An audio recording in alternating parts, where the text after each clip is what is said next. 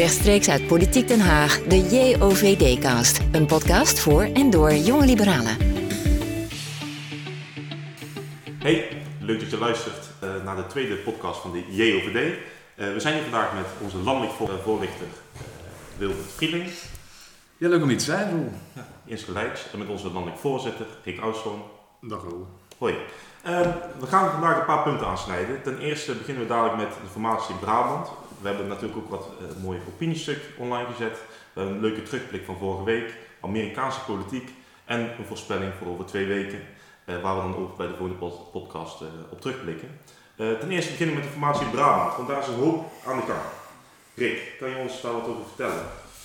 Ja, in Noord-Brabant verkeert men natuurlijk in een bestuurlijke impasse vanaf, vanaf december.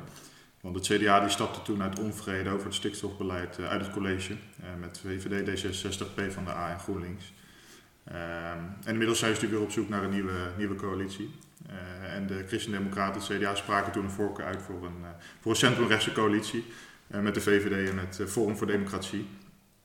Um, en zij verkiezen dit eigenlijk boven een variant nou ja, op links. En de VVD die heeft zich al eerder uitgesproken en liet ook al eerder weten dat zij de, de, de FVD zeg maar niet uitsluiten wat dit betreft.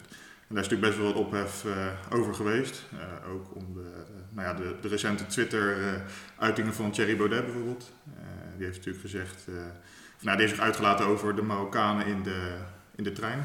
dat een aantal oh ja, vriendinnen van hem zijn belaagd door een aantal Marokkanen. nou ja, achteraf bleek natuurlijk de, de treinconducteur te zijn. Die kwam alleen het kaartje controleren van zijn, van zijn vriendinnen. nou goed, hij heeft hier natuurlijk wel van gezegd dat hij dit niet had moeten doen. Uh, maar heeft hij eigenlijk helemaal geen sorry over gezegd. En wat men nu natuurlijk zegt is van ja, eigenlijk ga je dan nu in zee met een racistische partij. Uh, en de vraag is of dat dan natuurlijk zo is. kijk, CDA en VVD zeggen van niet. Ik denk ook dat je een partij nooit, nooit moet uitsluiten, helemaal niet, omdat het hier om provinciale verkiezingen gaat. en een provinciale coalitie en niet om landelijke, een landelijke coalitie. Dus je vindt wel dat je op een landelijk niveau wel partijen mag uitsluiten? Uh, nee, dat vind ik niet. Ik zeg alleen dat het hier gaat om een kwestie van een landelijk bestuurder die deze uitlating heeft gedaan en niet om een provinciaal bestuurder die deze uitlating heeft gedaan. Dus dat dat wel los van elkaar uh, moet worden gezien. Ja, want er waren heel veel opties. Uh, 50 plus is nog genoemd, met wat kleine partijtjes de coalitie proberen te lijnen. wat je ook zegt over links. en nu zeggen ze dus centrum rechts. een beetje gek. Wilbert, wat, wat vind je eigenlijk van de uitingen van de landelijke politiek op de coalitie in eh, Brabant? wat ik eerst nog even wil zeggen, ik vind het eigenlijk wel feestje voor de democratie. Forum is natuurlijk als winnaar binnengekomen bij de Provinciale Statenverkiezingen, hebben enorm veel zetels gehaald. En dan uh, zeggen de democraten mij toch wel van, neem in ieder geval de moeite om daar gesprek mee aan te gaan en te kijken hoe ver je komt. Ik zou zeggen, geef ze ook een kans. De kiezer beloont Forum met een enorm aantal zetels. En ik vind het dan wel heel frappant dat iedereen direct voor een cordon, cordon sanitair gaat en niet eens met ze wil praten. Uh, dus vandaar dat ik zeg dat dit een uh, feestje is voor democratie. En het is een mooi moment voor Forum om te bewijzen wat ze waard zijn. Hè? Want je ziet wel vaak met soort partijen, ze komen met veel bombardie op. Maar nu is ook de vraag, zijn zij in staat om tot consensus te komen en mee te gaan besturen en verantwoordelijkheid te nemen? Dat vind ik vooral heel spannend. nou ja, wat jij al zei, Klaver en Jette zijn natuurlijk behoorlijk tekeer gegaan tegen VVD en CDA. Van, ja, je helpt extreem rechts in het zadel we moeten, ze, moeten er eerst mee willen praten. Ja, ik vind het zelf eigenlijk een hele gekke gang van zaken. Zoals Rick ook al zei, het gaat hier om uh, Baudet die hele discutabele tweet in de wereld ingooit. Uh, maar ja, dat kan je niet direct ook de Forum voor Democratie in Brabant mee wegzetten. Dat vind ik veel te makkelijk gedacht. En nogmaals, ze hebben enorm veel zetels gehaald. Je moet ermee praten, je kan ze niet negeren. Ja. Maar wat je ook zegt, kijk, het gaat hier inderdaad om Brabantse politiek. En natuurlijk de uitspraken van Baudet die zijn, die zijn niet goed. Uh, maar je ziet ook inderdaad dat boeren, boerenbedrijven, familiebedrijven, dat die op dit moment failliet gaan. En dat heeft natuurlijk veel meer impact op de regio dan één tweetje van Baudet. dus ik denk ook dat daar wel een onderscheid in moet worden gemaakt. Nou, nou doe je een leuk punt aanstippen, Rick. de voorcoalitie is over dat stikstof debakel geplapt. Hè. De CDA heeft gezegd, wij doen hier niet verder aan mee. En het grappige is dat je nou heel veel mensen, vooral op de sociale media, hoort over FVD. Dat kan echt niet. Maar je hoort niemand over het CDA. Het is eigenlijk wel heel gek dat je als CDA een coalitie laat klappen. en dat uiteindelijk wel weer mee gaat besturen met een centrumrechtse coalitie. Vind ik een beetje frappant. maar goed genoeg over de formatie in Brabant. Uh, Wilbert, we hebben met de JOVD als bestuur zijn een mooie opiniestuk geschreven, althans jij en Rick samen. en dat ging ergens over. Vertel even. Ja, ik uh, heb weer op mijn zolderkamertje een leuk stukje mogen tikken voor in dit geval de trouw. daar ging ik in over, of hield ik een pleidooi voor, de, voor een hervorming van het kiesstelsel. En daarin ging ik eigenlijk in op de huidige situatie die zich nu voordoet, in ieder geval in mijn optiek hoe dat zich nu voordoet. Hè. Eh, en dat is, je merkt natuurlijk heel veel, nu heel veel onvrede in Den Haag, uh, of überhaupt in het land, en dat wordt geuit in Den Haag, ons bekende Marieveldje. Uh, maar daarnaast ook al een jaar geleden met uh, het, rapport van de staatscommissie Remkes, waar al duidelijk werd aangegeven van er zijn gewoon delen van de bevolking die zich niet vertegenwoordigd voelen in de huidige politiek. En ik denk dat de ontwikkelingen van nu dat echt duidelijk schetsen. En ik vind het eigenlijk dan echt ongelooflijk dat daar niks mee gedaan is. Dat dat gewoon uh, makkelijk aan de kant is geschoven. Ik weet wel, het kabinet heeft een reactie opgesteld en heeft gezegd we willen wel dingen gaan doen. Uh, dat was volgens mij afgelopen juli. Maar sindsdien uh, is het eigenlijk verrassend stil geweest. En je ziet wel eens wat dingen voorbij komen. Burgerammendementje van D66 volgens mij. Maar ja, ik vind het allemaal een beetje, ja, hoe moet ik het zeggen, een beetje etalage shoppen. Je kijkt wat je leuk vindt uit zo'n rapport, maar gaat niet met de grondige, je pakt niet de de wortels van de problematiek aan. En dat vind ik erg zorgelijk. Dus daar ben ik op ingegaan en uh, heb ik een voorstel gedaan uh, om het kiesstelsel te hervormen en het uh, systeem te hanteren. Waarin we ons huidige systeem van evenredige vertegenwoordiging hanteren. Dus dat je mooi de diversiteit van Nederland intact houdt. Maar dat je de band tussen volksvertegenwoordiger en kiezer versterkt. Dat je daar de mensen meer betrekt bij de politiek. Maar ook dat het volksvertegenwoordiger dichter bij zijn achterban staat. Waardoor mensen zich dus wel sneller gehoord zullen voelen. Goed om te horen. Uh, Rick, jullie hebben in, in het artikel hebben jullie het over een eventueel dus nieuw uh, kiesstelsel. Um, we, hebben, we hadden net toevallig over de FVD, die is altijd heel scherp op geweest. Ook van hoe een kabinet wordt gevormd. Hè. Moeten we misschien geen zakenkabinet of iets dergelijks. Um, vind je, vinden jullie, uh, vinden wij als JVD nou eigenlijk dat de VVD tekortschiet in de lange termijn denken? Van hoe, hoe moeten we nou met onze democratie verder gaan in de toekomst? Ehm, nou ja, goed, je hebt natuurlijk verschillende manieren om uh, uh, nou, hier een oplossing voor te vinden. Inderdaad, wat Wilbert er zegt. Kijk, eh, je kan kiezen voor een nieuw kiesstelsel. Waarbij je inderdaad als kandidaten zelf campagne moet gaan voeren. nog meer dan dat dat nu gebeurt. waardoor je eigenlijk veel meer binding met je achterban hebt en daardoor gewoon ook een sterker mandaat hebt. en ik denk dat je daardoor ook veel dicht, als politiek, veel dichter bij de, bij de burger komt te staan. en dat je misschien die, die stakingen en die, nou, al die de boeren en de, de leraren, noem maar op, iedereen die nu op Malieveld staat, dat je dat dan misschien wat meer kan voorkomen, omdat je meer in gesprek gaat daarmee en omdat je, dat, uh, omdat je die, die meningen van hen gewoon veel meer meeneemt en de belangen veel meer behartigt. Het, het draait dus dan in de toekomst dan minder om de partij, maar om de personen die in die Kamer zitten. Ja, dat denk ik wel. Ik denk omdat daardoor inderdaad de, de, binding, zeg maar, die, die, is nu een beetje vervaagd. En die is nu, iedereen zit hier in politiek Den Haag heel ver weg. Um, en ik denk als je die, die binding iets meer, uh, of iets, die, die lijntjes iets korter maakt, Ehm, dat je daardoor veel sterker dat geluid in Den Haag al hebt, zeg maar, dan dat mensen daar zelf uh, nou, naartoe moeten. En je hebt natuurlijk nu ook wat je heel erg ziet. Er was ook laatst een stukje in het NRC van Tom Elias. Het zijn nu allemaal, uh, de Kamerleden zijn allemaal een beetje makkelammetjes. Hè? Ze volgen het regeerakkoord en uh, dienen de fractielijn te volgen. En ik denk als je Kamerleden de mogelijkheid geeft, of in ieder geval kandidaten de mogelijkheid geeft om stemmen te halen en informatie in te winnen en strijden voor je achterban, dat je dan veel sterker die kamer binnenkomt en uh, beter voet bij stuk kan houden en ook veel beter weet wat er speelt. En krijg je veel meer, denk ik, persoonlijkheden in de kamer zitten. Terwijl je nu hebt gewoon van, oh, uh, in de achterkamertjes wordt een lijst opgesteld uh, met, oh, die loopt goed mee, die weet hoe die de lijn moet volgen. Maar echt de persoonlijkheden missen, hè? Ja, wat jij zei, zegt en wat Rick net ook al zei, je maakt het wat persoonlijker. Want je zag nou met die protesten heel erg dat er gewoon wat onbekende Kamerleden het veld op gingen. Om even te laten zien, hey, wij zijn er ook nog, uh, kunnen jullie ergens bij helpen? Uh, terwijl eigenlijk ze dat, als je echt personen naar voren, als persoon naar voren was getreden, die problemen veel eerder had kunnen oplossen. Ja. Dus dat is wel een grappige constatering. Het zijn altijd leuke discussies. Het zijn heel leuke discussies. Uh, maar goed, mooie, mooie pinstuk. Uh, ik, ik, neem aan dat we nog veel gaan volgen dit jaar. Dus uh, Zeker, we zijn wellicht bij de volgende podcast dat we weer eens leuks kunnen bespreken. Yes. even over de podcast van twee weken geleden. Ehm, daar eindigden we met de voorspelling. En toen zaten hier aan tafel Anouk en Rutger. Ehm, en dat ging over de staatssecretarissen. Uh, even voor wie het niet weet. Er, is een hele, er is een heel hoop gedoe geweest rond de Belastingdienst. Staatssecretaris Snel is toen opgestapt, afgetreden. Ehm, en er moest een vervanging komen. En ze hebben een keuze gemaakt. Rick? Ja, de keuze is gevallen op Velbrief en Van Huffelen. Velbrief die kende het ministerie van Financiën eigenlijk al heel erg goed. Hij was jarenlang ja, topambtenaar op het departement. Daarvoor was hij onder meer onderdirecteur van het Centraal Plan, Planbureau. Uh, en Van Huffelen die, die is de eerste vrouwelijke bewindspersoon ooit eigenlijk op het ministerie van, van Financiën. ze is nu nog directeur van het gemeentelijk vervoersbedrijf in Amsterdam en daarnaast ook Eerste Kamerlid van D66. en het is natuurlijk ook wel bijzonder omdat we nu twee staatssecretarissen op het departement hebben. En dat is ook voor het ministerie van Financiën in ieder geval nieuw. Maar ik denk wel dat het, dat het nodig is, omdat dit natuurlijk wel iets is waar nou, heel veel mensen er dupe van zijn geworden en ook wat, wat nou ja, gewoon een snelle oplossing vergt. Of in ieder geval nou, waar nu een plan moet komen waar misschien een volgende regering, en het liefst ook al deze, maar ik denk de volgende regering mee aan de slag uh, moet. Het, het, is ook een heel moeilijke kwestie. Hè? Um, onder leiding van Wiebes is er toen die regeling geweest dat iedereen maar uit de belasting die, die weg wil gaan, weg kon gaan.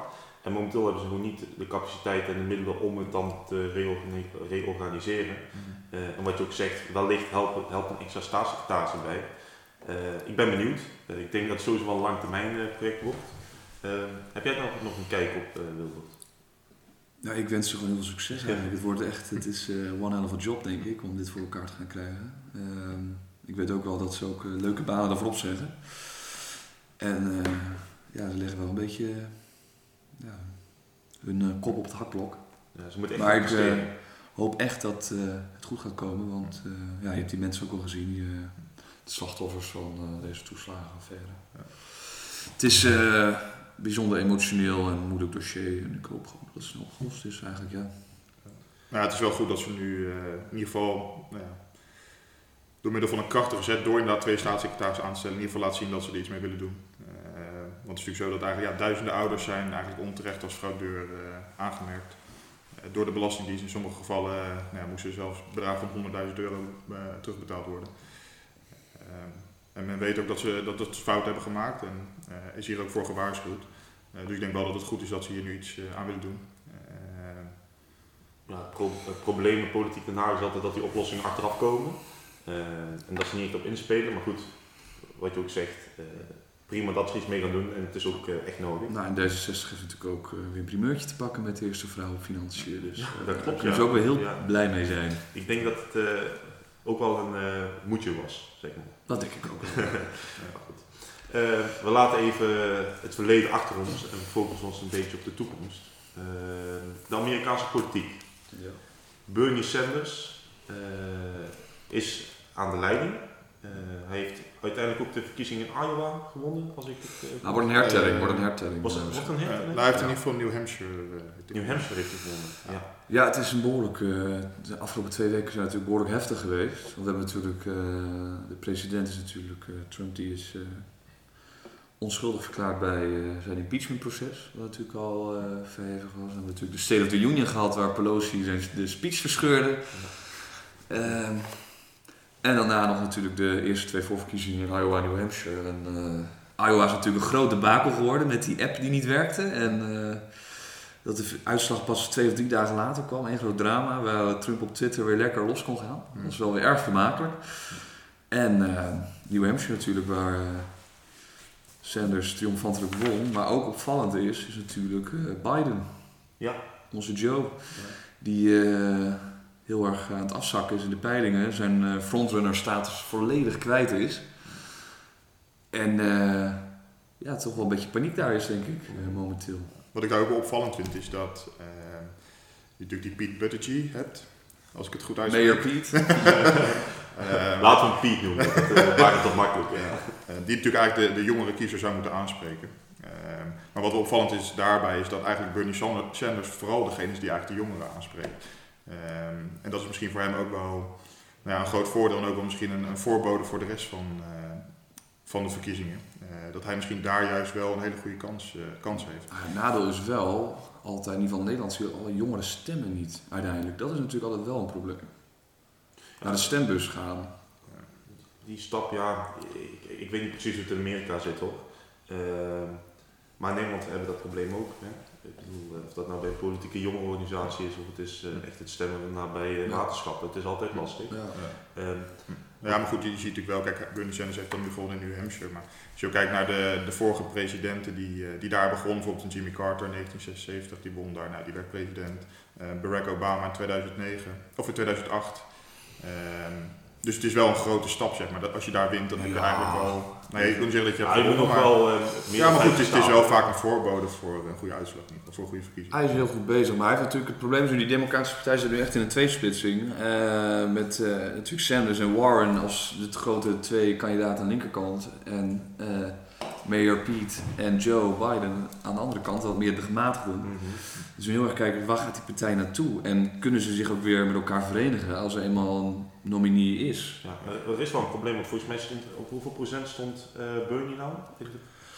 Ah, die zit denk ik op eh 25 procent, het, zoiets. En Biden die zit nu, die keldert nu al onder de 20. Want- maar deze komt nu ook nog, dat is wel heel opvallend vind ik zo. Is nu Mini Mike, Mike Bloomberg, Hm. die komt heel erg op. En dat is wel heel bijzonder, want hij is dus eh, nou, multimiljonair sowieso. Maar hij doet dus niet naar de debatten. Nee, om, eh, dat komt puur op het feit omdat hij niet eh, van...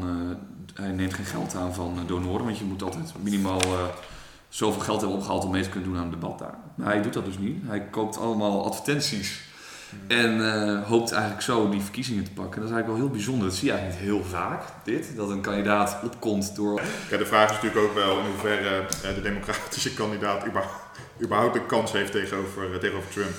Helemaal nu natuurlijk, hij is wel impeached, maar hij is natuurlijk niet afgezet. Ehm, en eigenlijk versterkt, zijn, versterkt dat misschien wel juist zijn positie. Maar ik moet zeggen, ik vind het wel een beetje eng hoe dat nu gaat, want hij heeft eigenlijk na die uitspraak heeft hij, eh, of nou, hij is eigenlijk bezig met een soort vergeldingsronde. Ik weet niet hoe jullie dat zien, maar hij is Ja. natuurlijk eh, bezig met het ontslaan van een aantal ambtenaren. Hij heeft zich gemengd in, een- in een rechtszaak. Ja, hij gaat zijn vriendjes eh, beschermen. Ja, en dat is natuurlijk wel iets, ja, dat is eigenlijk heel erg. Eigenlijk kan dat natuurlijk helemaal niet. Nou, dat is wel, ligt wel weer iets anders. Wat ik, wel, ik heb het ook wel even gelezen weer. Dan kan je spreken van fake news of zo. Maar ik had wel begrepen dat het volgens mij zo was. Hij heeft er inderdaad een tweetje over gedaan. Maar daarvoor was het besluit al wel genomen bij het ministerie, had ik wel begrepen hoor. Dus het wordt wel weer een beetje verdraaid. Maar je weet het is natuurlijk wel heel discutabel als een president zich uit over rechtszaken. Dat zou ik zelf ook niet eh, doen, nee.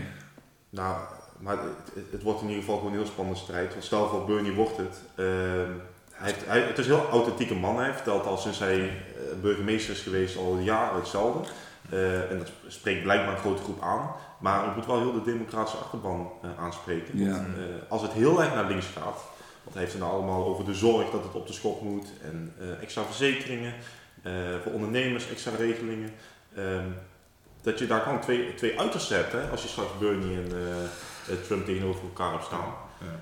Eh, dus dat wordt Ik ben zelf heel sceptisch. Ik denk, want ik weet, ja, Amerikanen hebben aan één ding een woord. En dat is, of aan één ding echt een hekel, dat is het woord socialist. En Bernie is wel echt een socialist. Ja, hij, Maar- zegt het, hij zegt het ook, hè? Hij is wel sociaal-democraat. hè.